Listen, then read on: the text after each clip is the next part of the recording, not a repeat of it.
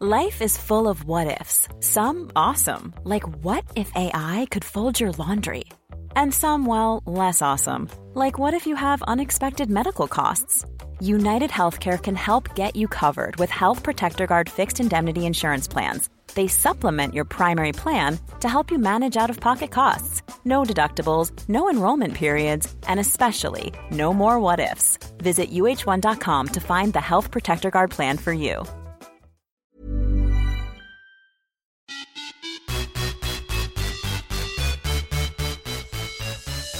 Vi är återigen tillbaka med ett nytt avsnitt av podden Viss och Svärm on the run med mig Josefin Svärm och Sara Viss. Och det var så kul Sara för att i fredags så lyssnade jag på Träningspodden eh, och insåg att de började exakt likadant i sin podd i fredags som vi började våran podd i söndags, alltså förra veckan. Med att så här, beklaga sig lite över så här, situationen som är med att barn har svårt att aktivera sig, att isbanor är stängda och sådär.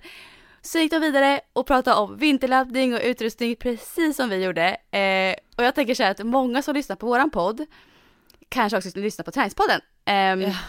Och då tänker, jaha, härmar de efter här nu? Men det, vi har ju ingen aning om vad andra poddare den här veckan som vi podd, spelar in eh, pratar om. Utan det kommer som överraskning för, även för oss. Men vi lyckades tajma in det här veckans avsnitt väldigt lika. Ja. har du lyssnat på dem? Ja men jag lyssnar på det och jag tycker att det, det där händer ibland. Alltså så här, eh, i och med att man, man spelar, de spelar in och vi spelar in alltid några dagar eh, i förväg. Och vi har ju haft ganska många, vi brukar ju podda på onsdag och släppte på söndag, så det hinner ju gå ganska många dagar. Men då tycker jag att det är flera gånger som det känns som att man bara, nej men oj, nu pratar de om samma som vi, eller nu ska vi, men det är inte så ja. konstigt heller, för det händer inte jättemycket just nu, och man fokuserar typ på träning eller idrott, så det är egentligen ja. inte så konstigt, men ibland kan det kännas både som att vi har härmat dem, men ibland kan det också kännas som att, nu har de, nu säger de samma sak som vi har gjort. Ja, ja. och det är det typiska är att deras, deras podd släpps på fredag och vår på söndagen. Så då kan man verkligen tänka sig, jaha, har ja. de härmat efter här nu? Så är Men vi hade ju samma, samma spaningar om det här med med att det var tråkigt att i, i idrotten och för, framförallt på, för barn har lagts ner och att alla de här mm. allmänna, eh, typ, att man inte fick åka skridskor och sådär, men nu är det ju faktiskt eh, ändrat jag har inte varit till skridskorinken och sett, men jag har sett att det, de spelar fotboll igen på den samma plan som jag pratade om. Och så jag antar att det är Jaha. att det har kommit igång till en viss del igen. I alla fall, det är mycket mera rörelse i alla fall. Där. Jag, jag vet, jag tror inte att vi har så i Motala. Jag tror fortfarande att det är stängt. Men jag mm. ska inte svära på det. Men jag tror det är så. Men här har de ju, och så har jag sett att eh, vissa andra ställen har öppnat och Bosön har öppnat upp för flera, för de var nere ett tag på 50 personer och 50 personer är väldigt lite i den stora, stora byggnaden. Mm. Eh, men nu vet jag att de är uppe tror jag, på 100 igen och sådär. Så att, ja, så att det, det, det skiftar ju lite. Ja, men någon sa till mig, en kompis till mig sa faktiskt att eh, det bara är Motala, eller om det var Östergötland och Stockholm som har sänkt ner eh, isbanor i hela Sverige. Ja. Så det var bara vi. Så folk som lyssnar på det här som inte är från Stockholm eller från Motala, Östergötland kanske okay. inte känner igen sig i det alls. Ja. Hon sa det, att det var så. Ja men det kanske ja. är så. Mm. Och, så, och eh, det kanske är ju att det har varit mest här, så det är inte konstigt. Ja. Men det är fortfarande, vi det vi var ute, det var ju de här utomhusbanorna. Ja, jag förstår att en ishall exakt. förstår jag att det går som mm. alla andra liksom hallar. Mm. Men, så. Mm. men så jag tror i alla fall att det är någon ändring. Jag har faktiskt inte hunnit vara dit nu, i och med mm. att nu är man inte ledig på samma sätt. Eller förskola och jobb för Lasse och, och mig också lite grann nu har tickat på. Så det har inte varit mycket, lika mycket fritid. Men du, jag tänkte på en annan sak faktiskt, som jag också tänkte på när jag lyssnade på, eh, på träningspodden. Ja. Så det var en sak som jag så här, eh, reagerade på, dels eh, att de pratar om det, men också att det är några som har skrivit till mig, och det var när vi är inne på vinterbad. och jag tycker, att, alltså det är så många, jag lyssnar på andra poddar också nu, och det här är också ett ämne som tas upp i nästan ja. alla poddar, och det är yes. verkligen så här, eh, antingen älskar man det eller så hatar man det och att man är så trött på och kräks på alla inlägg. jag orkar inte med ett inlägg till där de vinterbadar. Uh. Men då deras diskussion här som eh, jag reagerar på, det var ju det här just om att, eh, att Lovisa berättade att hon var inte alls, att det lockade inte henne överhuvudtaget för att hon har så många gånger trillat i när hon har paddlat och att måste simma uh. och att det har blivit så här, nej tack jag gör det inte frivilligt, eller jag gör det inte, men jag har gjort det där. Och så var det några som har skrivit till mig också att de har vinterbadat när de har ju gått sån här isutbildning eller någon sån här, alltså någon form av utbildning där man ska mm. eh, eh ta sig upp från isen och så här, byta om till varma kläder och sådär. Och att då har de gjort det och de tyckte inte att det var liksom eh, eh det, alltså, det räckte med en gång, säger de. ja. Mm. och jag, alltså, jag förstår deras tankesätt, men samtidigt så tycker jag att det är en helt annan sak. Eh, mm. för att jag har också gjort eh, isutbildning eh, på Bosön, där man skulle då alltså gå igenom isen, hitta liksom kontrollen som man kunde svara på, typ så här, vad är ditt personnummer eller telefonnummer, innan man liksom fick börja ta sig upp med då ispikar. Och sen när man kommer upp så ska man byta om till torra kläder eh, på kanten, liksom, så att man visar att man, att man kan vara så handlingskraftig, eller vad säger man? Mm. Eh, och den största skillnaden på de här grejerna, att gå och vinterbada eh, på det sättet som, som alla gör nu liksom, mm. eh, det är att det är en helt annan sinnesstämning. Mm. Att liksom göra någonting så här, trilla i från en kajak och behöva simma eh, 25 meter igen och så här, även om man vet att man klarar det, det är ju inte samma inställning och samma den här sinnesron som när man har tagit på sig en badrock, en mössa, gått ner för att nu ska jag ta det här doppet, sen ska jag ta på min varma morgonrock och gå upp och liksom att jag har valt det här eh, för att jag vill känna den känslan och liksom njuta av det. Mm. På något sätt. Även om det, det ger en kick och det, det blir det. Så, det. Eh, så jag skrev också till någon som skrev det till mig, så jag bara, men alltså om du bara har gjort det på en utbildning när du ska gå i med kläder på för att sen ta av dem och så här. Det, är, ja. det, är, man, det går liksom inte att jämföra. Jag sa, sa nästan så här, eh, att eller jag tänkte så här, det här är ungefär som att säga så här, nej löpning är ingenting för mig, för jag har så många gånger varit sent till bussen och fått springa. Alltså förstår ja. du? Ja, då har jag sprungit och jag gillar inte alls att springa. Ja. Men det är också för att det är en helt annan sinnesstämning att springa till bussen och ha bråttom ja. eh, i fel kläder än att gå ut och jogga. Eller det är ingenting som man aktivt har valt själv att göra Exakt. på något vis. Nej, det precis. Blir Alltså det, ja. Så jag, så jag nej, det går liksom inte bara, alls jämföra, jag håller med dig. Jag har nej. också en, eh, en kompis eh, man som sa samma sak i lumpen, så fick de bada isvak och han, det var värsta ah. han visste och så här, de minnena har han och lever på. Eh, så det värsta han vet är ju ta tanken på att bada kallt liksom. Ja. men det är också då liksom en lite, men det blir, en, det blir också lite mer påtvingad situation. Eh, Absolut. Och det är så här, ja, och framförallt, men det vill jag liksom verkligen säga, man förstår att det, det är liksom, det är själva den där eh, mentala och den där upplevelsen, man går in i det med helt olika eh, sinnes eh, ja. inställningar på något och det, det är jättestor skillnad. Ja, och så, så här med många så här typ att, att eh, jag tänker att man, att man gör för att det är trendigt. Pratas ja. det också om. Det säger jag också om i Trendspodden ibland så här, att, att det är så många som inte bara för att det är trendigt. Men ja så är det ju inte i mitt fall i alla fall. Jag tränar för att, jag gör ju det för att jag på riktigt upplever en jäkla liksom energipåfyllnad och den här känslan är fantastisk när man väl ligger i en stund och, och njuter av det. Um, och just att det är trendigt, att, att därför man gör det, det är också så här, vissa kanske gör det då, men, men man kan liksom inte beskylla alla som gör det för att göra det för att det är trendigt. för så är det ju inte. Nej, det känns som ett påhopp jag... ibland så här. Ja. ja, och sen tänker jag också att det behöver inte vara dåligt med att det är en trend. Jag tänker att det gör ju också Nej, att kanske flera inte. fått upp, för jag har nog kanske, alltså jag har gjort det förut, men absolut har jag nog blivit inspirerad och så här vilja göra det med, för att jag ser så många mm. andra göra det, så blir jag så här, oh jag ja. kanske också ska. Så absolut att jag säkert har hakat på det för att det var en trend. Mm. Men det kan ju också vara bra, för att det kanske gör att man testar nya saker, precis som som just att paddel också en, en trend. Ja. Men det tänker ja. jag ju att det är någonting som är eh, lättillgängligt och att många kan tycka att det är roligt oavsett vilken nivå man är på. Så jag tänker att det är ju bara mm. ett bra sätt att få folk att testa på nytt. Så att jag, jag tycker nästan mer synd om yeah. de som är väldigt anti och bara jag ska aldrig vinterbada bara för att det är en trend eller aldrig spela paddel. För då kanske är de tröskeln till att sen faktiskt testa eller ja. alltså så här, den höjs ju jättemycket för att man liksom har satt sig på den på den ledden. ja men där, på tal om träningspoddar då, så Jessica Almnäs är väl en sån som absolut inte har på trender. Hon skulle aldrig göra det för att liksom. Ja. Det går missar om grejer här Jessica, så är det. Ja men precis. Så jag tänker liksom såhär, ja det må vara en trend och man kan väl få skratta lite åt det. Jag är, eh, ja. här, jag är säkert eh, påverkad av trenderna, men jag är också glad att jag är det för att eh, Ja men det är, det är klart att det är klart att man får ju upp ögonen för någonting när det är en trend. Mm. Eh, absolut, så var det även för mig när jag upptäckte vinterbad, att jag såg andra som kanske Monica Björn och så här stora profiler i Sverige som vinterbadade och blev inspirerad av det såklart. Ja. Eh, men sen när man väl börjar göra det själv och njuter av det så är, gör man det ju inte bara för att det är en trend, utan då ja. handlar det om att man faktiskt har hittat dit och njuter av det på riktigt. eh, det så är det ju. Ja men verkligen. Eh, ja. Sen är jag faktiskt inne på andra poddar Sara, jag hänger kvar vid det här lite. Eh, mm.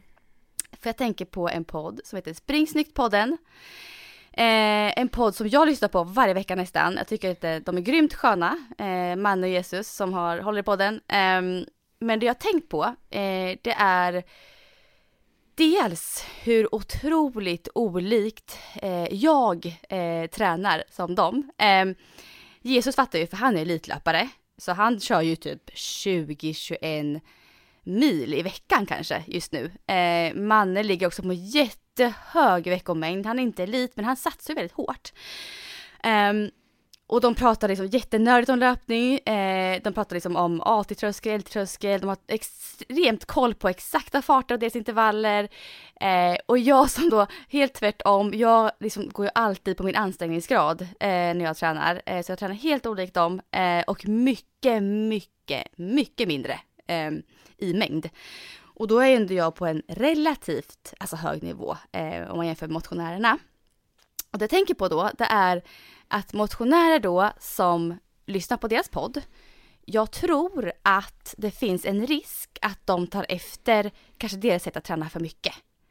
Eh, mm. Och att många hamnar i den här stressen att jag måste gå upp i antal pass. Och den här oh, distanslöparens stress är ju alltid det här, måste gå upp i mängd. Mängd, mängd, mängd. Eh, jag tror det finns en risk, en jättestor risk med det. Eh, så att, och jag, jag, jag, liksom så här, jag ratar inte podden för den är skitbra, framför allt om du är riktigt duktig, alltså elitmotionär, kanske lite över till och med, och elit. Där ligger deras det är så jäkla bra då. Du kan lära dig massor och nörda in dig i saker, vilket jag också tycker är kul att göra. Men jag har ändå självinsikt och backar ändå och kör mitt race ändå. Men jag tror många faller in i det här ganska lätt. Um, jag bara tänkte på det när jag lyssnade på dem häromdagen, att shit, det här kan liksom vara någonting som eh, få igång folk och kanske folk som har varit i liksom lite så här risken till utbrändhet inom träningen, eh, inom löpningen. Eh, folk som har ortorexi har haft det, att man kan falla in i något mönster igen när man lyssnar på poddar som eh, uppmanar till väldigt mycket träning eh, och eh, löpning. Ehm, så det är bara en tanke jag fått. Men som sagt, de är grymma. Den är grymt bra. Men ha självinsikt, självdistans, tänk på vart du är när du lyssnar och inte påverkas för mycket. Um, tror jag är jätte, jätteviktigt. Och också en sak jag tänkte på sist jag lyssnade på dem, det är Eh, de kom in lite på Fredrik Silén och lite tips. Han är ju löpteknikgurun i Sverige eh, kan man säga. Eh, har varit med Maraton Petra mycket på hennes eh, flöde och sådär. Ja, Kört Youtube-videos ihop. Eh, ja, väldigt, väldigt, väldigt duktig eh, kille. Eh, han kom också in på tal och deras podd sist. och det jag tänkte på då, det var väldigt mycket att mannen verkar ta, ta, hans ord som en sanning liksom i allting. Eh, och jag tror det finns en risk i det för att jag ska inte rata Fredrik Silén för han är skitduktig också. Men det jag vill säga är att han är väldigt kritisk ofta eh, mot hur andra, typ coacher och personer som jobbar med träning pratar med sina klienter och ja, hur de, de formulerar saker kring löpteknik och träning och så. Eh, och det, jag tänker så att det är så lätt att sitta och kritisera andra så mycket. Eh, man kommer undan med det väldigt lätt. Och man kommer in i någon slags, han har ju ett övertag här nu, att all, allt han säger tror folk på. Eh, mm. Och ibland drar ju han grejer till sin spets väldigt, väldigt mycket. Eh, saker som ibland delvis kan stämma egentligen, men han får ändå att liksom bli, eh, att det inte stämmer. Alltså det blir, jag tror inte man ska lyssna på en, en person när det gäller, när det gäller liksom, och verkligen tro på det fullt ut, utan liksom ha lite så här, okej, okay, kritiska ögon och ändå tänka att kan det finnas ändå någon liten sanning i det här påståendet? Eller är, det, är, är hans ord lag här? Alltså jag tror att, för jag märkte när de lägger upp sina videos också på eh, Instagram och så, att folk tar verkligen det han säger som lag. Hans ord är lag inom löpning. Eh, och jag tror verkligen att det finns en stor risk i att göra det. Sen så säger han grejer som är sjukt bra ibland. Alltså att han är sjukt intressant. Eh, och jag lyssnar på honom men jag känner samtidigt att jag har en kunskapsbas som jag är trygg i. Och ibland så känner jag mig så här, oj det där kanske jag delvis har sagt i det här sammanhanget, men då stämde det ju där faktiskt, alltså det stämde ju ändå då ihop med den klienten, den situationen. Mm. När han formulerar det så här så stämmer det inte riktigt. Alltså, så att, fattar du vad jag menar? Det ja, finns en risk att tro på folk så fullt ut. ja, och sen så tänker jag absolut att så här, ibland är det ju så när någon är väldigt duktig och kunnig om något eh, område ja. och kan väldigt detaljerat. Då blir ja. det också lätt att när man lyssnar på dem så hör man på de här detaljerna och det är lite som mm. vi har varit inne på många gånger med träning överlag, att de här detaljerna spelar mindre roll om inte, mm. liksom, alltså det är ju alltid basen som är det viktiga och det är för, för prestation, för hållbarhet och alltihopa så är det ju basen mm. som är viktig och så är det ju med löpteknik också liksom att eh, jag mm. kanske inte behöver tänka på exakt vilken vinkel min armbågsled är i någonting mm. om eh, om inte jag liksom eh, känner att själva löpsteget bara känns bra att börja med. Mm, alltså liksom att börja liksom, eller bara att börja springa för att bara att jag, mm. bara, även om jag inte ens tänker teknik, men ju mer jag springer mm. så kommer jag ju den, det, löpsteget kommer högst antagligen ändras bara av att jag blir, får bättre kondition och mer löpvan också. alltså. Ja, exakt. Så jag tänker det, det att det kan så. vara att han är jätteduktig, ah. men att, ah. att då behöver man också lite så här, vänta, är det här tipset till mig? där jag är nu, ah. eller kanske jag ska bara fokusera på en annan sak. Ja. Sen är han väldigt mycket, han avskalar väldigt mycket och är väldigt så här, löpning är löpning. Alltså det är inte så rocket science, det är inte världens liksom komplexa grej egentligen. Alltså mm. det är ju inte det. Så att jag tycker att han gör det riktigt jäkla bra i många fall. Eh, men ibland så tycker jag att människor lyssnar på honom verkligen, alltså till punkt och pricka, att det här är det. ja. det finns alltid risk i det, men jag hyllar honom för han är grymt duktig. Det vill ja. jag säga. Um, ja, nu är vi ute på hal is här Sara, vi så här, kritiserar folk och liksom Här kan vi hur som helst. Nej men jag tror att det är ändå bra att du reflekterar också över dina tankar när du lyssnar på en annan, speciellt så här kanske eh, löppodd eller någonting, just bara för att det är ju ingen kritik, eh, utan du lyfter ju egentligen bara just att säga liksom så här att dina tankar blir att du nästan mm. blir lite stressad över att de eh, springer så mycket mer eller mer, alltså så här, och att du tänker mm. att du är ju ändå eh, en duktig löpare och att du ändå kan känna, då antar jag att du tänker att det kanske är fler som blir lite nästan stressade ja, av den mängden. Det. Mm. Så det tänker jag att jag det är väl bara det. bra att, att reflektera och lyfta att eh, eh, mm. Att det inte är konstigt om man känner så. Jag har inte, alltså jag lyssnade på den i början när den var ny och jag tycker att mm. de är, är, väldigt härliga personer och så här har mm. ett härligt sätt att podda, alltså de är bra flow i, i ja. deras dynamik. Eh, sen har jag inte fortsatt lyssna, men det var ju också just för att den är ju väldigt nischad. Eh, mm. Och eh, även om jag alltså, tycker om löpning i alla former så känner jag att eh, jag hade inte så mycket som jag kände igen mig i, i och med att jag inte satsar på det sättet på eh, distanslöpning. Eh, och att det blir också en väldigt annorlunda mentalitet tycker jag överlag om man ska prata så här jag håller ju mer på med en kraftidrott liksom, än med mm. de här uthållighetsidrotterna. Och där märker jag just det, lite det som du är inne på, att det här det är en, det är en annan jargong kring hur mycket man tränar och mycket så här. Och jag har nog inte tänkt på att det är så här rätt eller fel inom eh, uthållighetsidrotten, utan jag kände bara så här att det där är så långt ifrån hur jag tränar.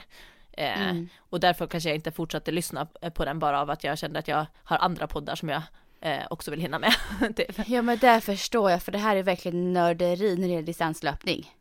Ja, jag och är man inte distanslöpare lite... så... Um, ja men jag tänker att det är så här, eh, jag, jag, förstår att, att man älskar den podden om man brinner för distanslöpning. För den är mm. ju verkligen det här också så här, vi har ju kanske tänkt lite tvärtom, att vi vill liksom inkludera motionären och den som kanske vill börja mm. löpa och bredda mm. med, lite med flit, eh, för att den inte är så nördig. Men det kan jag också då tycka att de, jag kan tänka mig att de som älskar löpning på den där nivån och så här, de kan ju tycka att vi eh, aldrig fördjupar oss eller att vi inte är, Absolut. vi pratar om mycket annat. Och det är ja. också fine, tänker jag. Ja. Absolut. Men jag tror att det är som sagt, jag tror att det är väldigt många ändå motionärer inom distanslöpningen som lyssnar på dem, tror jag. Mm. Och det är väl de som jag vill nå ut till nu liksom, att så här, fundera, tänk lite vart är du själv liksom din träning och stressas inte upp av hur liksom, andra tränar. Um, mm. Man kan få jättemycket bra kunskap från den podden. Alltså jag lär mig om löpning. Uh, för Manne till exempel, han är, han är nördat ner sig ordentligt i löpningen. Alltså det är sjukt kul att höra honom. Han kan så jäkla mycket nu om det. Mm. Eh, så man kan lära sig jättemycket eh, och liksom relatera till saker. Eh, men som sagt, en liten varningsfinger till, till er eh, vanliga dödliga motionärer här ändå.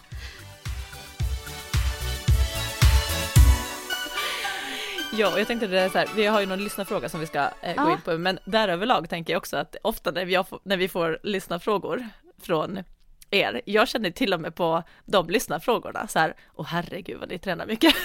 Ja. Jag så förstår min, det Sara. Ja, ja, ja, jag kan ju få det, och då är inte det liksom av en eh, elitlöparpodd, utan det här är ju av våra, våra lyssnare som också är, mm. och det är jättekul att vi har så pass många, alltså många duktiga löpare som lyssnar på oss också. Men att mm. det bara just om man ska lyfta så här olikheter och sätt kring träning och hur man tänker, så kan jag mm. säga att jag tänker ofta, oj oj oj vad mycket, herregud, hur hinner ni med det här? så tänker jag. ja men det här kan vi leda in då på en av frågorna vi fått idag tycker jag. Ja. Så lite känns som att vi känner, det kommer in här nu. Ska jag och du läsa upp den här frågan? Ja men du kan ta den. Ja, jag läser den. Hej på er och tack för att ni fortsätter att leverera bra poddar söndag efter söndag. En fråga om VO2 Max. Hoppas ni vill ta upp det. Brukar sedan jag köpte min Phoenix 6 för lite över ett år sedan ligga på 58-59 i V2 Max då.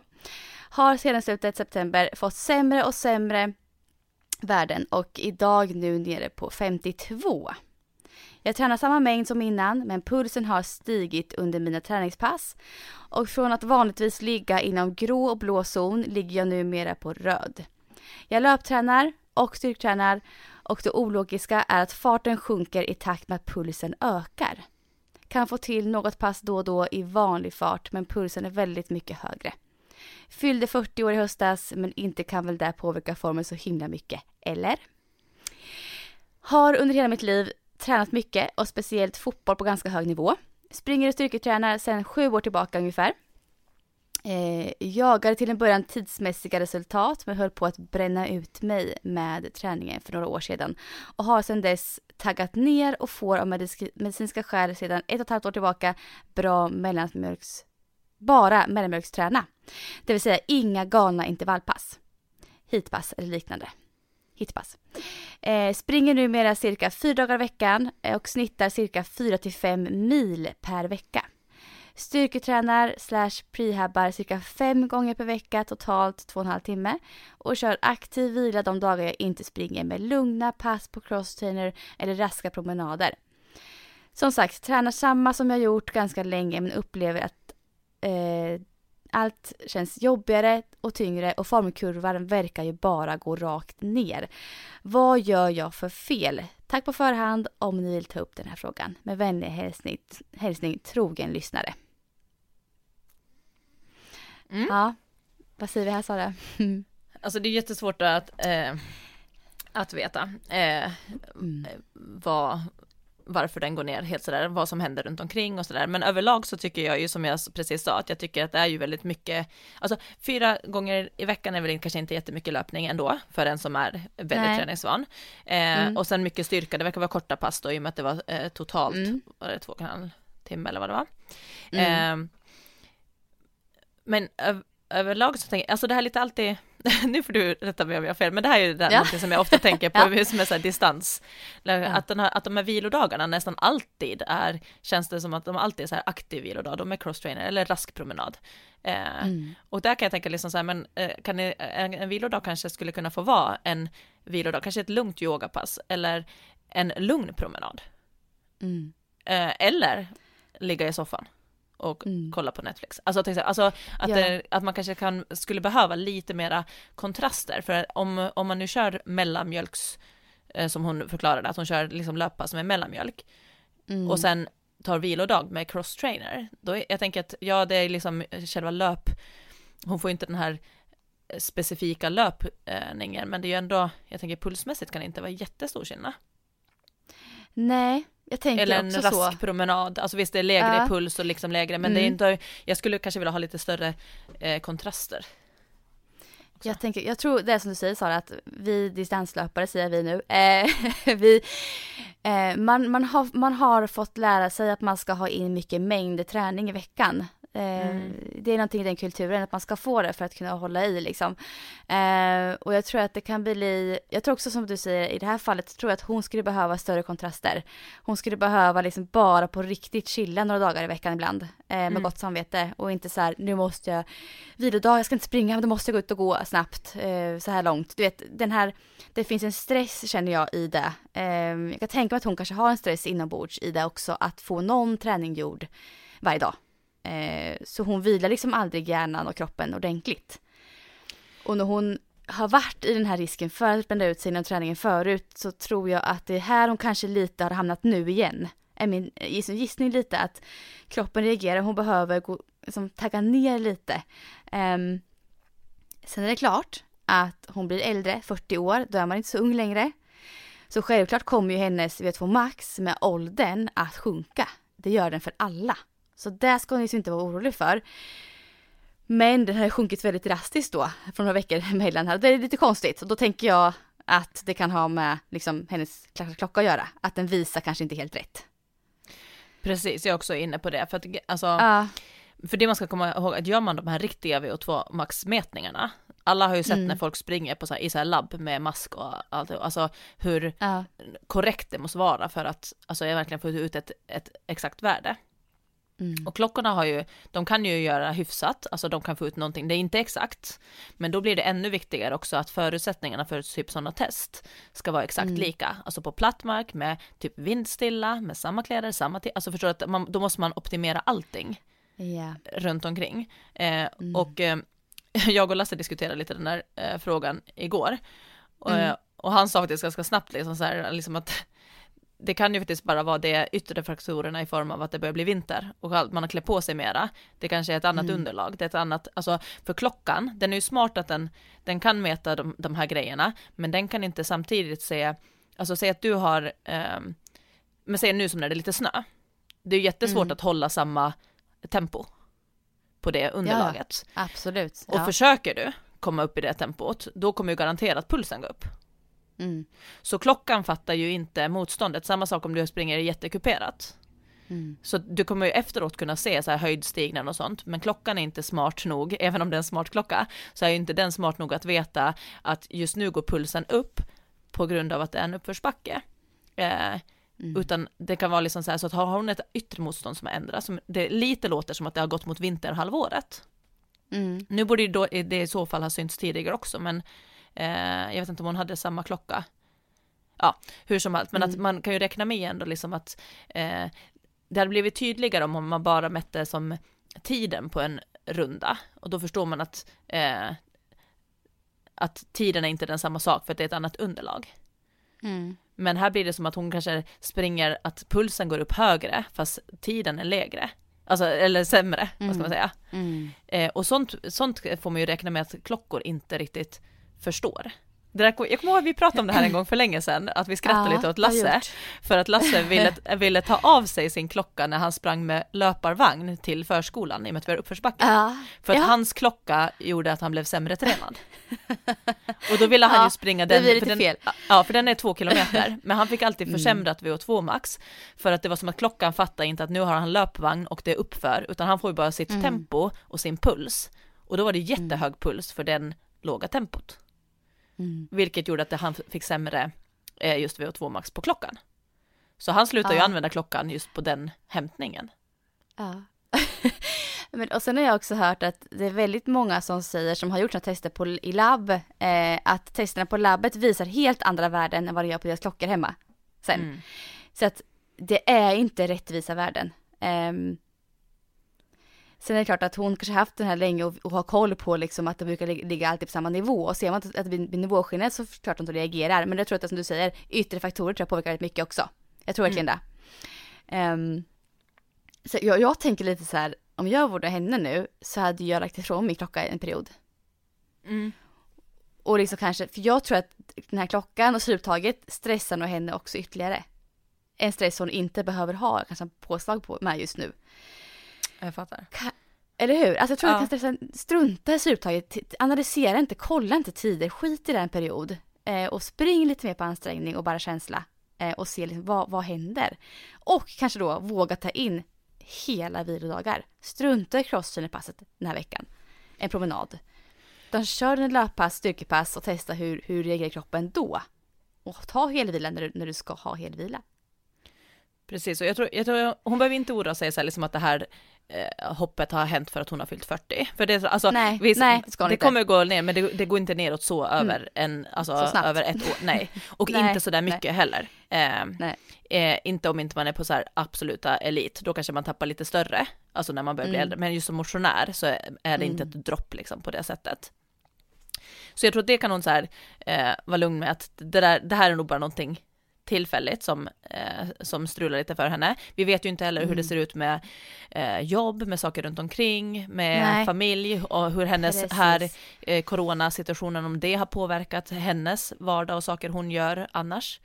Mm. Eh, så det är ju sådana saker man behöver se, in, se, se, över också. Men i och med att hon skriver att hon har förut också det här eh, fått tagga ner på grund av medicinska skäl och att det var liksom ja. av, eh, av tränings ändå relaterat Eh, så då hade jag ändå sett det här kanske, i och med att hon upplever också att hon känner sig tröttare.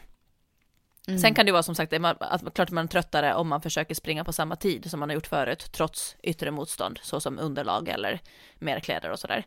Men om hon ändå går och känner sig då, då hade det ändå varit ett tecken på att hon behöver ju just nu i alla fall göra om någonting och verkligen kanske ta det lite som ett, en varningssignal. I och med att hon, ja. för jag tänker det där, men det är som alltid, har man gått in i väggen eller varit stressad, man kommer snabbare känna av de eh, symptomen. Mm. Och då tror jag att man får faktiskt bli duktig på att liksom eh, lyssna på dem. Men så som vi båda säger, liksom när man ser på hennes upplägg också, jag tror att det går att effektivisera på ett annat sätt. Att, eh, samma att hon skriver att hon kör fem pass styrka, även om det är bara två och en halv timme totalt. Men det är rehabstyrka, mm. då, där hade jag också liksom så här, varför, jag hade inte jag, jag tror att jag hade kanske velat se över lite den också, så här, behöver det vara fem gånger i veckan och löpning fyra, för det blir också mycket så här som ska in i veckan. Ja, eh, de där rehab, rehaben, den kanske bara tar 5-10 minuter och de kan man göra lite varje dag.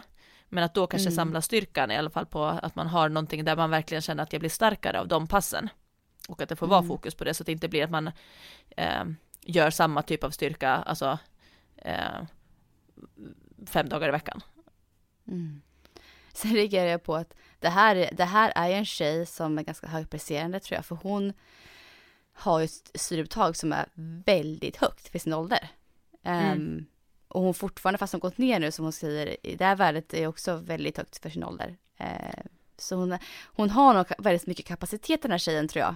Um, och det kanske gör då att hon också vill liksom ligga på en hög träningsnivå för hon vet vad hon liksom kan, kan göra. Um, men jag tror att som vi säger, försök liksom att, alltså hon kan testa bara så några veckor nu, dra ner lite på, dra ner, ta heldagars vila, våga göra det, ta bort klockan um, och ta det här som en varningssignal som sagt. Eftersom hon har varit utbränd förut, eh, nästan på väg till utbrändhet inom träning, så tycker jag att det här är en varningssignal absolut för henne.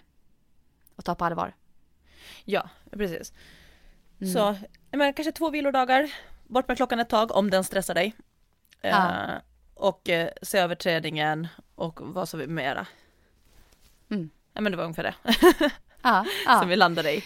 Ja, men vi, vi landar i det exakt. Sen vet inte jag, blir det värre och värre för henne så kanske hon behöver gå och söka hjälp och se ja. om hon faktiskt är utbränd. Eh, alltså så. Eh, men, men hon verkar nu ändå ha lite läget under kontroll och känner ju in kroppen nu väldigt mycket. Och kan hon hinna bromsa här nu på ett bra sätt så kanske det kan bli ganska bra ändå på sikt. Men ja, ta det ändå på allvar tycker jag. Ja, och sen som sagt klockan, även om det är en smart klocka så är den inte alltid smart. Ja. Så lita Nej, inte, lita inte alltid, alltid på den. Nej, för Nej. Den, den, tar, den kan inte alltid räkna med yttre eh, faktorer. Nej. Eh, vi hade en till, eller vi har flera eh, eh, frågor på samma ämne. Ska jag gå vidare på dem? Mm. Jag, kan läsa, jag kan läsa upp en och sen har vi fått en mm. liknande mm. på samma och det är ju då eh, med graviditet det känns som att det är många yeah. som har fått barn här nu på senaste tiden, för det droppar ja, ganska hur? mycket frågor kring det. Ja. Men, och jag tänker att det här är också sånt som man kan eh, relatera till efter en skada eller komma igång, alltså så här, så att det behöver inte mm. bara vara men det är i alla fall så här, hej, eh, jag har en fråga som skulle vara intressant om ni ville prata om AirPod. Jag är en vanlöpare som normalt sett springer cirka tre gånger i veckan eh, och har sprungit flera halvmaraton med PB på 1.35. Nu är jag gravid i vecka 34 och har faktiskt kunnat hålla igång med löpningen hela tiden, men dock på mycket lägre nivå. Springer max 3 km i taget nu och väldigt mycket långsammare än mitt normala bekväma tempo. Funderar nu på hur jag ska komma tillbaka till min normala löpnivå efter förlossningen. Hur tror ni att det är rimligt att lägga upp det och med tanke på att jag ändå kunnat hålla igång under hela graviditeten. Förstår att det beror väldigt mycket på hur förlossningen går, men skulle ändå vara intressant att veta hur ni tänker kring detta. Eh, tack för en bra podd. Mm. Eh, och det, det är ju, mm ja, jag tänkte på att det, det, är mycket av den här liknande som jag får både frågor på Instagram eh, och här mm. nu till podden och vi fick någon annan också. Eh, och det är ju så att hon, hon vet ju också, jag tycker att hon, hon har ju sprungit väldigt länge. Eh, mm. Längre än vad man kanske som den generella rekommendationen. Men det känns bra och jag tycker att hon verkar ha lyssnat bra på kroppen. Hon springer lugnare än sitt, sitt tempo som hon brukar kortare, just max tre kilometer och sådär. Så det känns som att hon har ju varit duktig ändå på att så här, lyssna in och reglera och liksom. Mm. Eh, och jag tänker att det där är det bästa hon har med sig också efteråt. Att eh, det är svårt att säga så här, eh, så här kommer du kunna göra. Att kan, man kan inte ge liksom, här är en upptrappningsplan på ett papper. Eh, för att, som hon säger, förlossningen, men det är ju också mycket annat än förlossningen. Det är ju allt från amning, från bäckenrelaterad smärta, mm. sömn. Så det är ju inte liksom mm. bara förlossningen i sig som man ofta tänker. Så, så här, nu, nu är det, hoppas det går bra, då kan jag komma igång. Men man vet ju inte exakt, så jag tror att, att jag förstår, jag är ju själv en sån som också vill ha en plan, för att det motiverar mm. mig. Eh, och så jag förstår absolut att det kan hjälpa en att hålla motivationen, och det kan man, tycker jag, göra en liten grundplan, men att komma ihåg att den får inte vara skriven i sten. Men det som vi har pratat Nej. om förut, det finns ju, vi har ju pratat om det här i andra avsnitt också. Jag vet att avsnitt tre i början, den är eh, lite gravidträning. Men sen har vi också ett uppdaterat, jag tror det är avsnitt 68, där vi pratar om lite nya, nya rön kring eh, diastaser. Men där kommer vi också in mm. lite på nya, alltså så här om bäckenbotten och sånt också. Ah. Så jag tänker att den är ganska mm. bra att lyssna på. Mm. Eh, men det är egentligen vill skicka med till alla, även om man har tränat bra under graviditeten och så, jag, jag, tycker man ska inte haka upp sig för mycket. Det är jättebra att man kan träna, för det är det här för hälsa och att man kan hålla igång under graviditeten, men att det finns ingen lika med tecken heller på att om jag har tränat mycket under hela graviditeten så kommer jag ha en bättre återgång tillbaka eller att det kommer det gå snabbt tillbaka. Eh, för att det kan gå så och ofta gör det det. Men sen har jag också haft kunder som eh, har fått plocka bort träningen helt efter vecka 16 för på grund av bäckenrelaterad eh, smärta eller ja, och, eh, eller mm. andra bekymmer som har hållit igång med de, vad de har kunnat, inte alls inom löpning eller styrkelyft eller vad det nu de håller på med, men också kommit jättefint tillbaka bara för att de har liksom varit igång med annat. Mm. Så att det finns ingen, man, jag tror inte att, att fast när jag tänker att man måste träna så specifikt eller så mycket som möjligt långt in. Det har inget att göra med egentligen hur ens eh, tid efteråt kommer vara, om inte så att man har varit helt sängliggande. För det kommer ju såklart mm. att påverka ens återgång om man har varit sängliggande i ett halvår till exempel. Mm. Men så att inte stressa upp sig så mycket över, liksom, eh, ja, och inte ta för givet heller att nu har jag tränat på ända in, att då kommer det gå bra. Men det, mm. man, det som jag alltid vill påminna om det är ju liksom det här att vara skonsam för bäckenbotten första 12 veckorna. Och sen om det då innebär att du kan börja löpträna efter 10 eller 14 veckor, det är också så individuellt. Vi ser sådana som springer efter 5 veckor och de som det tar längre för. Men att precis som, jag tänker, det är lättare att typ se på sin mage, för den får jag också frågor om, så här, typ att när kommer magen att börja kännas fast igen, eller när kommer liksom den börja, den här diastasen gå ihop. Och den är mer så här synlig, att vi tittar kanske på den och känner på den. Men på samma sätt är ju också liksom bäckenbotten också en sån mjuk del i kroppen som också behöver återhämta sig på samma sätt. Och det mm. fixar ju kroppen helt av sig själv. Alltså du behöver inte, det är inte så här om, om du inte kommer att knipa så kommer den inte att eh, gå tillbaka, eller magen, om du inte gör någon inre bålmuskelövning så kommer den inte gå tillbaka, alltså kroppen är ju ändå smart, den vet vad den ska göra. Vilket man har fått, alltså jag tror att många tror det, att det är så. Ja, sen kan man ju såklart mm. hjälpa och liksom få tillbaka hur man ska aktivera och hjälpa till, till exempel också för att kunna eh, med träna eller eh, snabbt knipa för att man behöver nysa. Alltså det är, det är jättebra att träna på dem och det ska man göra. Men på samma sätt som man tänker att magen inte går tillbaka på tre veckor så kommer ju inte bäckenbotten heller, även om vi inte ser det på samma sätt. Nej. Så jag tänker att man får komma ihåg att kroppens egna läkning, där har de sagt att det är ungefär upp mot 12 veckor innan bäckenbotten har liksom kommit tillbaka till en eh, mer, alltså bättre stadga, eller vad ska man säga, håll, mer hållfast. Mm. Och därför eh, rekommenderas det också low, eh, low impact som det kallas, träning. Och det är ju innebär alltså sånt utan hopp och studsar, alltså utan stötar. Och det är ju löpning, hopp, eh, framför allt. Eh, mm. Och just att tänka mer då liksom, jag tänker de här första veckorna, de går ganska snabbt ändå, även om det inte känns så när man är i det. Men att börja med aktivering, som vi pratade om, bäckenbotten, inre bål, hitta kontakt med musklerna. Promenader, hon kommer ju kunna öka på till längre promenader, till fler promenader och det är jättebra progression för löpning. Mm. Sen kanske crosstrainer, att man tänker där, för där får jag upp pulsen och jag kan jobba intervaller, men där har jag ju ändå low impact, det är inga stötar mot bäckenbotten. Och styrketräning, för där är styrketräningen också, det är också skonsammare mot bäckenbotten, för du har ju inga eh, eh, du behöver inte hoppa eller få de studs, dunsarna där heller. Så lite Absolut. så tänker jag och sen alltid mm. som vi pratar om progression. Mm. Och jag tror att om hon nu har varit duktig att liksom ha gjort en, en omvänd progression, eh, så får hon ju tänka lite samma sätt när hon kommer tillbaka. Att, eh, när hon känner sig redo att börja gå ut och gå, så gör hon det i någon vecka och börjar det kännas så här så att det nästan eh, bara eh, kliar i fingrarna att hon måste börja springa lite mer. När man kanske provar lite mm. crosstrainer då för att få upp pulsen och kolla mm. att det är att på samma sätt som hon lyssnar in och känner in nu så att gör det åt andra hållet. Att bara liksom följa med och sen igen, ingen, inte så här att så här är det, men jag tycker att det är rimligt att tänka att man är nio månader gravid och nio månader eh, tillbaka innan man liksom kan förvänta sig att börja prestera. Ja. Så kan, så, ja, så, ja vad känner du? nej men jag, jag, nej men jag håller med i så mycket. Um, jag har egentligen inte jättemycket att fylla i.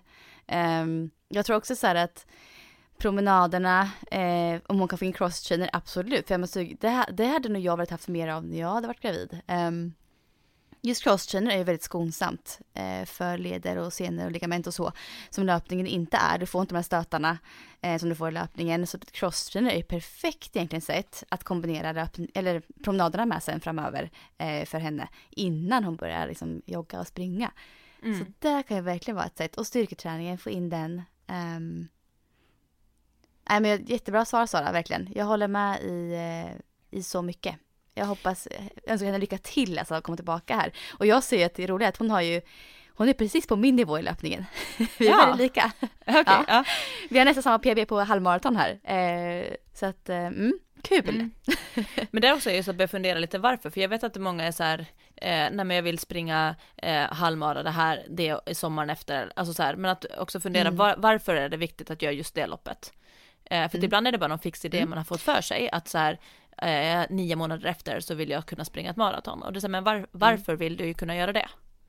Varifrån kommer den? Och eh, för att jag, jag tänker att det man har kanske saknat, såklart prestera, men vägen tillbaka, alltså nu, det är klart att jag längtar också efter att kunna prestera, men jag njuter också av att kunna springa igen av att börja kunna lyfta tyngre. Mm. Så det är ju inte så här mm. att det är bara allt eller inget, utan när man kommer tillbaka, även om det känns eh, långt och sådär, så det finns ju massa saker som man kommer njuta av på vägen. För att man kan göra de sakerna igen. Så ja. Att, det är inte bara den här tävlingen och bara att komma tillbaka till sin form som man kommer att, eller det, det är dumt om man har bara det som mål, utan för jag tror att, mm. att du kommer inte att känna dig så stressad när du känner, åh, oh, nu får jag ta mina första löpsteg igen, eller oj, nu sprang jag, kunde jag jogga 10 kilometer och det kändes mm. lätt. Alltså det finns så mycket andra saker på vägen dit, så att när det där eh, målet att vara tillbaks är, det kanske inte behöver vara så, eh, så spikat. Nej, det hörde också med väldigt, väldigt mycket. Och något så, så här som kan göra henne lite glad kanske, det är att höra att andra som varit gravida eh, har faktiskt presterat, om hon vill prestera i framtiden, som bäst ett år efter ungefär. Eh, mm. Det har jag hört väldigt många sagt. Och, eh, men inte stressa träningen som sagt, någonting alls. Men för mig var det så att ett år efter att jag fick min, första, min son så presterade jag som allra bäst i löpningen. Mm. Utan så mycket alltså löpträning alls om jag jämför med tidigare. Så att just, just själva formen och det här, jag lovar, hon kommer komma tillbaka till en fin form utan att behöva stressa igång med löpningen överhuvudtaget. Alltså ta det varsamt i början, verkligen tänk smart, känn in kroppen jättemycket, um, lyssna på dig själv och formen kommer att komma. Mm. Garanterat. Ja, och sen så är det så här, just att det är, det är ju härligt att vara tillbaka till sin form, men jag tänker till och med det, om man ska tänka positivt, att det behöver inte heller vara, alltså hon kanske ska ännu längre, hon ska ju liksom kanske bli ännu bättre. Ja, ja. Och där blir det också liksom så här att, säg att man då efter ett år typ skulle vara tillbaka, men då går man ju mm. in i ett år där man får vara på den nivån redan när man börjar träna mm. inför nästa år, och då betyder ju mm. det att du borde kunna vara ännu bättre två år efter. Ja. Absolut. Så man också liksom tänker att det är ju en långsiktig process och att mm. det är roligt att tänka långsiktigt också. Men, men jag förstår det här med också med att ha mål för att känna motivation. Och där får ja. man tror jag också fundera lite på hur man är alltså innan graviditeten. Till exempel du och jag har ju ganska olika sätt med målsättning och motivation. Ja, verkligen. Ja. Och då känner jag för mig är det ju viktigt, jag har ju alltid eh, drivits av att ha lite konkreta mål och jag vill checka av saker och stämma av och så. Och då tänker jag att och hon låter ju lite så kanske också. Och då kan man ju mm, ändå ha så här, ja men då kan man säga, ja men jag ska gå så här många kilometer med, med vagnen innan jag börjar testa på att jogga. Alltså hon kan ju sätta upp mål på vägen för att mm för att hon kanske drivs av det och får bättre motivation. Ja, absolut. Medan du kanske hade varit precis så som du är nu, så här, nej men jag kommer ta det lite på känsla, jag kommer känna in och när det mm. känns ah. så här bra, då kanske jag ökar på lite, att du behöver kanske inte mm. veta framför dig vad, vad du ska checka mm. av innan gå vidare, utan du kanske är bättre på att känna in hur kändes det idag och så. Mm. Och där är man ju olika absolut. och jag tror att det får man ta med sig i det här, i den här situationen också. Gör det mm. som du motiveras av, men oavsett vad du mm. gör, kom ihåg att ingenting är spikat till så här, har du en plan så, så behöver du ändå kunna känna att du kan eh, vika av när det behövs. Ska vi gå vidare till nästa fråga? Ja. Eh, vi tar den här då. Eh, Hej och tack för en fantastisk podd. Jag skulle så gärna vilja höra era reflektioner kring bodypump. Anser ni att det är en bra träningsform och vad tycker ni är positivt eller negativt för bodypump? Tack igen och ta hand om er. Alltså den här frågan är ganska svår för mig. Alltså jag minns eh, tillbaka till många år tillbaka eh, då jag testade bodypump. Eh, jag blev inte förtjust kan jag säga. Mm. Eh, det här är bara mina personliga åsikter, verkligen. Eh, så tänk på det. Ehm, för mig var det liksom att jag blev stressad och liksom gjorde övningarna lite för snabbt och lite fel, alltså teknikmässigt fel och okontrollerat. Um, så jag gillade det inte alls. Jag vet också folk som har sagt att de har blivit skadade faktiskt av bodypump-träning, kanske för att man gör fel rörelser, inte vet jag. Så. Eh, så jag föredrar hellre att köra liksom egna pass med, med kettlebells och skivstänger, gummiband, eh, kroppsvikt, sånt som jag kontrollerar i min takt. Så det är liksom min lite så inställning till bodypump. Nu lät det inte negativ. Eh, men jag känner också så här, alltså, om hon kör bodypump som frågar nu, tycker det är kul, får sin träning, kommer upp i puls varje vecka i den träningen så är det jättebra. Det vill jag också säga. Men för mig passar det inte så bra. Vad säger du Sara?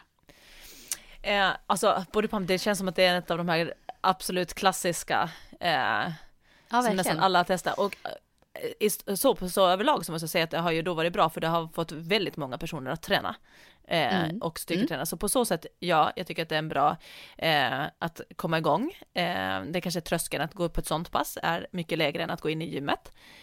Eh, mm. Så på så sätt, och sen är det så att har du inte styrketräna och går på det så du kommer, du kommer bli starkare av att börja gå på bodypump, det kommer du ju bli.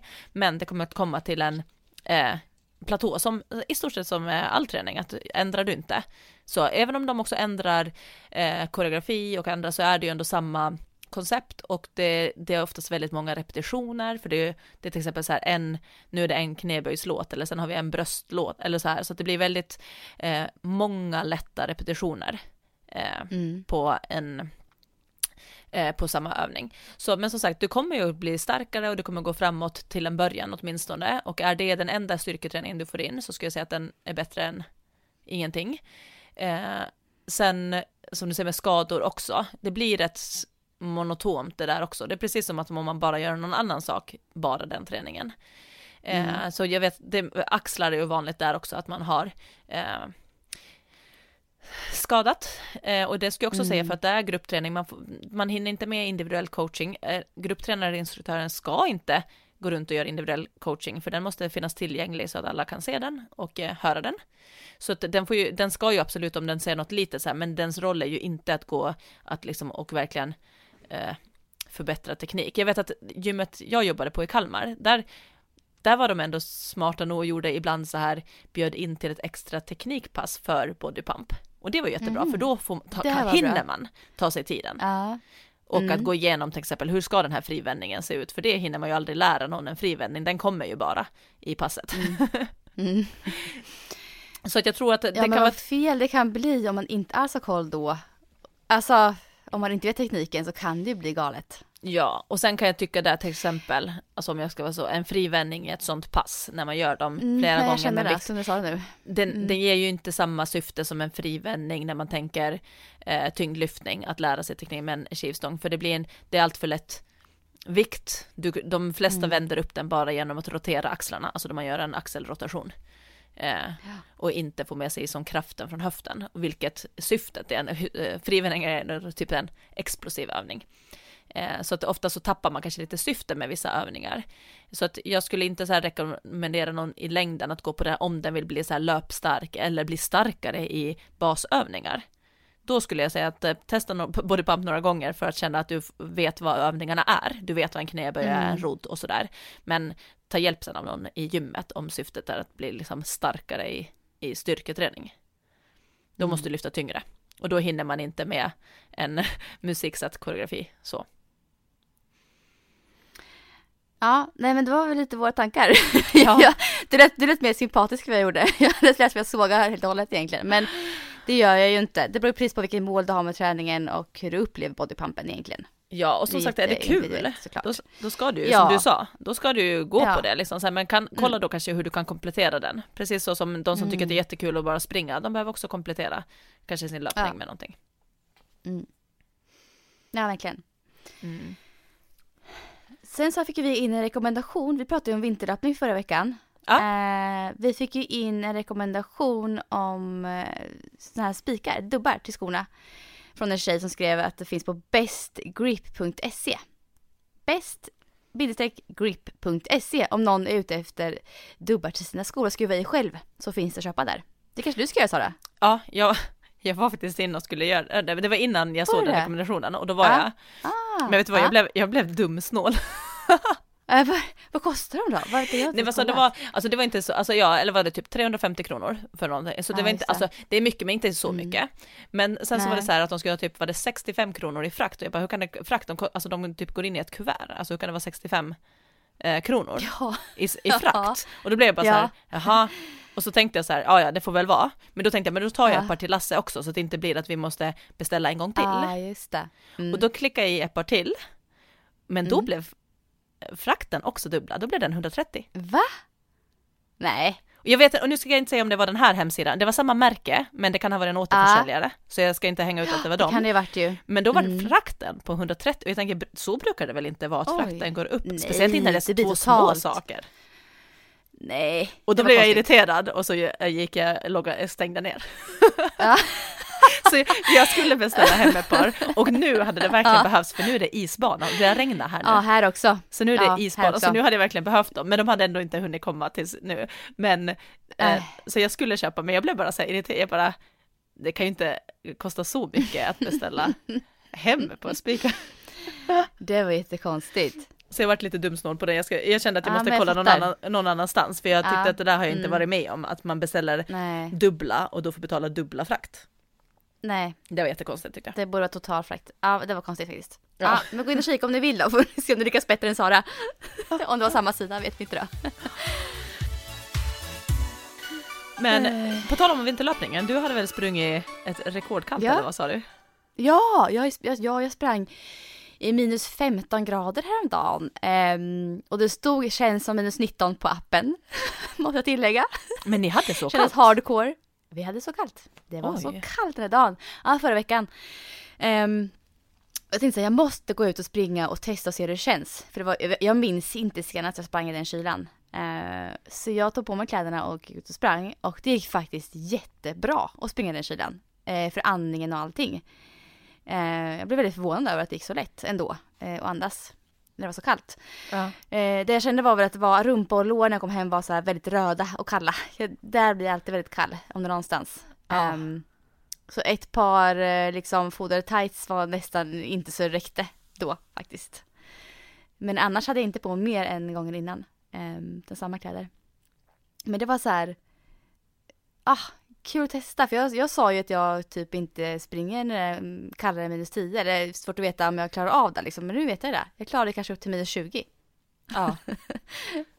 så det är jag nöjd över. Men eh, som sagt, det, det svåra i de här temperaturerna det är ju däremot att trycka på. Att köra kanske snabba intervallpass skulle jag ju inte få för mig att göra när det är kallare än minus 10. Tror jag inte. Det finns någon risk för skador för jag känner verkligen stelheten i benen var ganska mycket mer än vanligt i den kylen. Tänker du på något specifikt sätt med andningen när du springer så när det är kallt?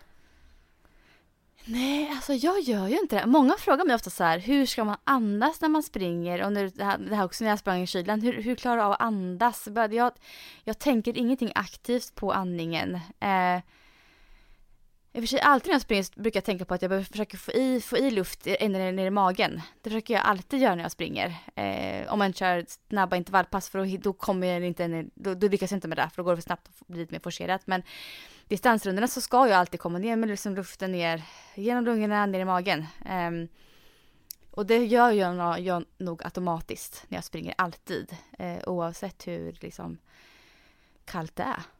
Jag tänkte inte på det faktiskt när jag sprang nu.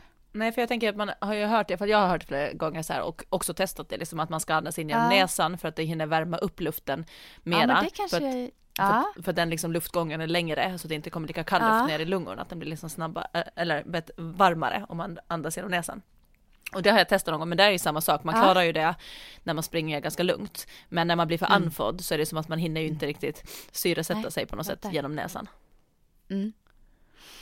Ja men det, fasiken, det kanske, alltså jag gör nog det ibland när jag springer, när du säger det nu, ändå. Eh, först näsan och sen ut genom munnen.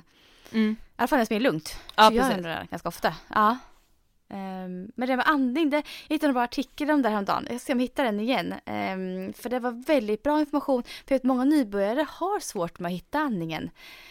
Uh, och en fin timing i den och liksom sysselsätta sig när de springer. Så jag tror att det kan vara så ganska intressant att lyssna kring mer hur man kan tänka uh, där faktiskt. Mm. Eh, jag har ju också varit ute och sprungit lite i vinterlandskapet innan det töade bort. men, och då tänkte jag på verkligen så här, Hur kallt hade ni? Nej men då var det bara, vad säger, ba, eller den kallaste dagen, det här är förra veckan nu så det blir typ en vecka ja. sedan när, när, vi, eh, när det här släpps, så eh, då var det mm. minus åtta när det var som mm. kallast. Mm. Eh, men då så var det så här, för förra veckan hade vi, så, jag har haft som sagt väldigt mycket med, med att Rasmus ska skolas in och då har jag fått vara med på inskolningen och sen har han kommit hem för han har bara varit där någon timme och sådär. Så att jag har ju haft båda barnen i stort sett eh, två veckor här nu. Eh, nu är han mm. på, nu är det, eh, nu är han på eh, på förskola som vanligt. Men då fick jag ju verkligen göra så här mycket, försöka bara klämma in träningen där det gick. Och då skulle jag så här transportspringa, för det öppnar sig upp sig. Ibland när man får så här bara, oh vänta, här ska jag kunna lösa att jag får transportspringa lite grann. Mm. Och då tänkte jag, för då skulle jag till min sjukgymnast, eh, jag jobbar ju fortfarande här med mina axlar och eh, nacke. Och då så är jag så här, men det är bara tre kilometer från förskolan. Så jag bara, jag skulle kunna ta bilen till förskolan, lämna den där och sen jogga till sjukgymnasten och sen springa hem eller tillbaka till båten eh, eh, som är fyra kilometer så får Lasse mm. springa till bilen sen han ska hämta. Eh, men då tänkte jag ju just vet, att man, man vill ju inte vara svettig när man kommer till Nej. sjukgymnasten på på ett det känns ändå så här taskigt att vara så här. Så jag bara, men nu blir det inte dunjacka och nu blir det inte det här utan nu måste jag ju verkligen så här, för jag bara, det är bara tre kilometer så jag skulle ju kunna, för tror jag, vara så här bara lagom om jag fryser i början. Uh -huh. uh -huh. Så då hade jag liksom verkligen mycket mindre kläder för, med mål om att inte bli svettig. Det, jag, jag vet att det här är lite halväckligt, men, men eh, så tänkte jag för att få in min träning. Mm. eh, men så då joggade jag och såklart så sprang jag lite fel för det var lite vägar som jag inte har, har sprungit. Det är roligt när det blir en ny väg. Mm, alltså du vet så här, för nu har vi ju bytt förskola. Så nu försöker jag hitta mm. nya olika sätt att springa dit eller springa därifrån till Lidingö centrum. Alltså så här, det, det är fortfarande på den här Lidingö löpsbanan, men det är ju en annan del av den. Mm. Och det tycker jag är lite roligt, för nu har jag joggat på ställen som jag aldrig har joggat förut. Men mitt lokalsinne är inte heller det bästa, så jag sprang ju såklart lite fel, så att det var, det blev fyra kilometer dit. Men jag var liksom så här, jag tog av mig jackan direkt jag kom in också, så då vart jag inte liksom så svettig. Och så var jag där en timme och sen så skulle, så skulle jag springa hem. Så då sprang jag ju fyra plus fyra på, med, en, med en timmes paus. och då förstår jag, de första gick jättebra och sen när jag skulle springa de här andra fyra på vägen hem, då kände jag ändå, du vet så här, att jag är så bekväm i min jogg, du vet att jag, jag har ju absolut inte att jag försöker hålla något tempo. Så då var det mer att jag Nej. kom på mig själv att jag, att jag började gå flera gånger för att det antagligen var lite jobbigt och så fick jag bara, nej just det, jag ska jogga. Och så fick jag jogga och sen började jag gå och sen bara, okej, okay, så fick jag sen aktivt sätta in så här att jag joggar tre lyktstolpar och går en. För att det var lite, det var lite uppför, men då tänkte jag så här, det kändes så himla bra första fyra. Och då så slog mm. det mig också så här, jag har ju inte sprungit över fem. Och Nej, det här var jag ju... tänkte det, ett ja, rekord på väldigt länge. det var väldigt länge och det var så tydligt att det där som jag har vant mig med, de kändes jättelätt ah. första fyra, fyra ah. och sen också de första två på vägen tillbaka. Men sen den sista yeah. där, sex, eh, ja sex till åtta, då var det som att min kropp mm. kände så här, det här är jag inte van med. Att då började den vilja gå. Så att då fick jag liksom mm. så här lite pusha mig, men det var så härligt. Och sen så var det samma sak nu i veckan att jag så här, de här mina tempo eller sprintpass som jag har tänkt göra, det går inte nu, nu är det för halt.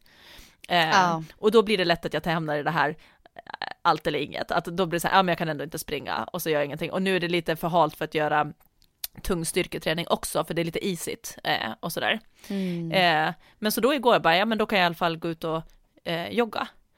Och då joggade jag sju kilometer i sträck. Va? Så jag håller ju, jag bara, jag har kört mest distanslöpning. Jag är i chock känner jag. Så jag bara, och det här är verkligen absolut ingen planering, men den kommer Nej. in i mitt mindset det här, eh, bara gör någonting. Och det här känns ja. jättebra efteråt, för jag vet att det där hade varit istället för ingenting. Mm. Och då hade det varit jätteskönt att så här, Sara. Ja. Så att jag kände så här, gud jag har kört ändå. typ en, inte dubbeltröskel, men dubbellunk. med en timmes paus och sen en sju kilometers distans så jag bara hell yeah. Ja. Så det var lite roligt. Ja, men alltså va? Men vad, vad, vad är veckans bästa då? Var sju kilometer veckans bästa eller vad, uh, vad är veckans bästa? Ja, veckans bästa, den kommer in på den här, eh, den här två gånger fyra. För uh. det var då det var den här minus åtta och ett fantastiskt äh, vinterlandskap. Oh. Så att min veckans bästa, det var så att det, mm. alltså det var så njutbart, alltså jag bara, alltså tittar på omgivningen och jag var liksom helt så här, alltså jag var som så tillfreds i, i nuet där, jag bara älskade att jogga, det var så skönt att bara lunka på, det var så vackert. I och med att det blev transportlöpningen också så, och till sjukgymnasten så hade jag inte med Elias heller, så jag var liksom första gången, det här var fredag och det var första gången på hela veckan som jag inte hade något av barnen. Och då kände oh, jag bara så här, det här är ju vardagslyx. Mm. Det här är liksom att unna mig saker. Och det var liksom, mm. det var veckans bästa. Det, det, den joggingturen. Jag bara njöt till hundra procent. Så det var min veckans bästa. Gud vad härligt. Jag är så imponerad nu. Jag är, jag är lite chock fortfarande. Känner jag. Det kommer inte kunna släppa. ja. Mm, vad har ja, du för veckans Gud. bästa? Ja. ja, men jag har tränat på ganska bra ska jag säga. Eh, jag har kört typ, jag ligger lite varannan dags löpning just nu. Uh, jag har behövt så här en dag emellan så här och liksom så här återhämta mig och ladda mentalt för nästa pass känner jag. Så jag har kört varannan dags löpning, mycket. Um, men sen Sara fick jag faktiskt till ett riktigt bra crosstrainer-pass.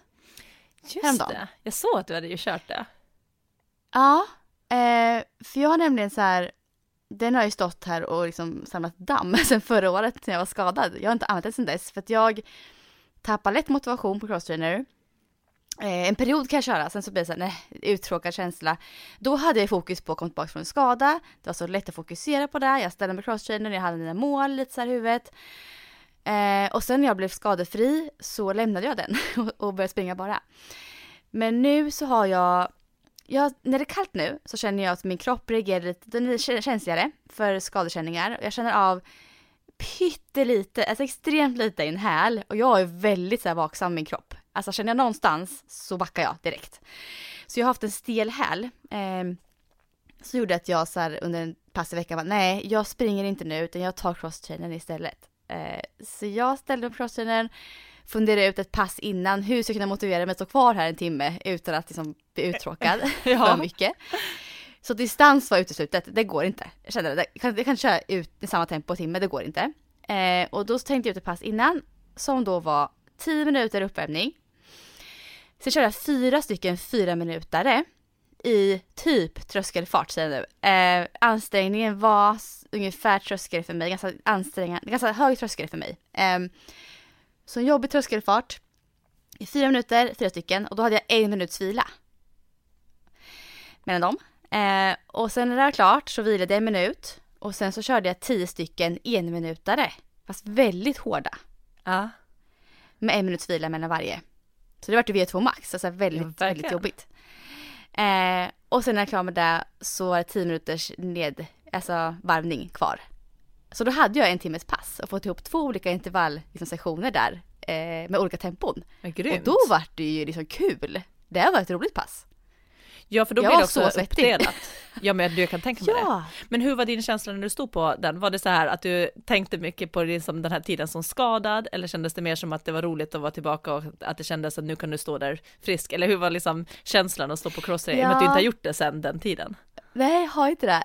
Jag, jag kommer tillbaka lite, flashbacks till den tiden. Jag tränade inför New York Marathon var det då jag stod på den där inför. Um, så lite så, och samtidigt känns det att det här kommer jag väva in mer i min träning nu. Eh, när det är som kallast ute. För ibland så känner inte jag, alltså vi pratade förra veckan om att vinterlöpning är härligt, fantastiskt. Det är det när det är fina dagar.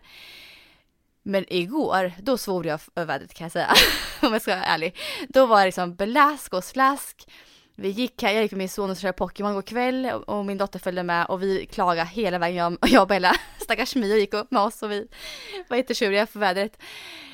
Och sådana dagar kan det vara skönt att faktiskt ha någon, någon, någonting att köra som är inomhus.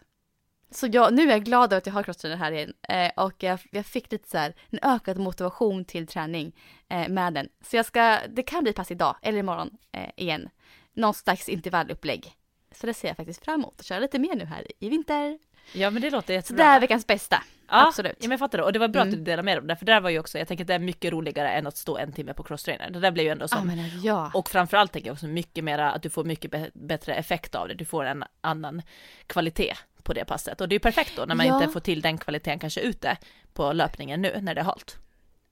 Exakt så. Alltså nu, här får man ju till sig intervallpass. Mm. Man höjer, höjer pulsen rejält. Utomhus gör inte jag det just nu. I princip inte alls eh, på det sättet. Så det är jättebra komplement. Eh, så det kan vi skicka med lyssnarna med. Har ni tillgång till crosstrainer eller cykel eller vad som helst som man kan köra intervaller på inomhus just nu så eh, gör det. Absolut. Absolut. Eller löpband. Du vet vad, nu ser jag att klockan mm. rinner iväg och jag har mammaträning ja. om tre minuter. Nej, sant. Okej, okay. men du, eh, då, då avslutar vi här. Får lycka till med din träning här nu Sara. Ja, de står med bebisar ja. utanför nu men det går bra, det är planerat och klart så det går. Ja. Men ja, ja bra. vi mm. hörs nästa vecka. det gör vi, ha det så fint. Ha det bra, hej då.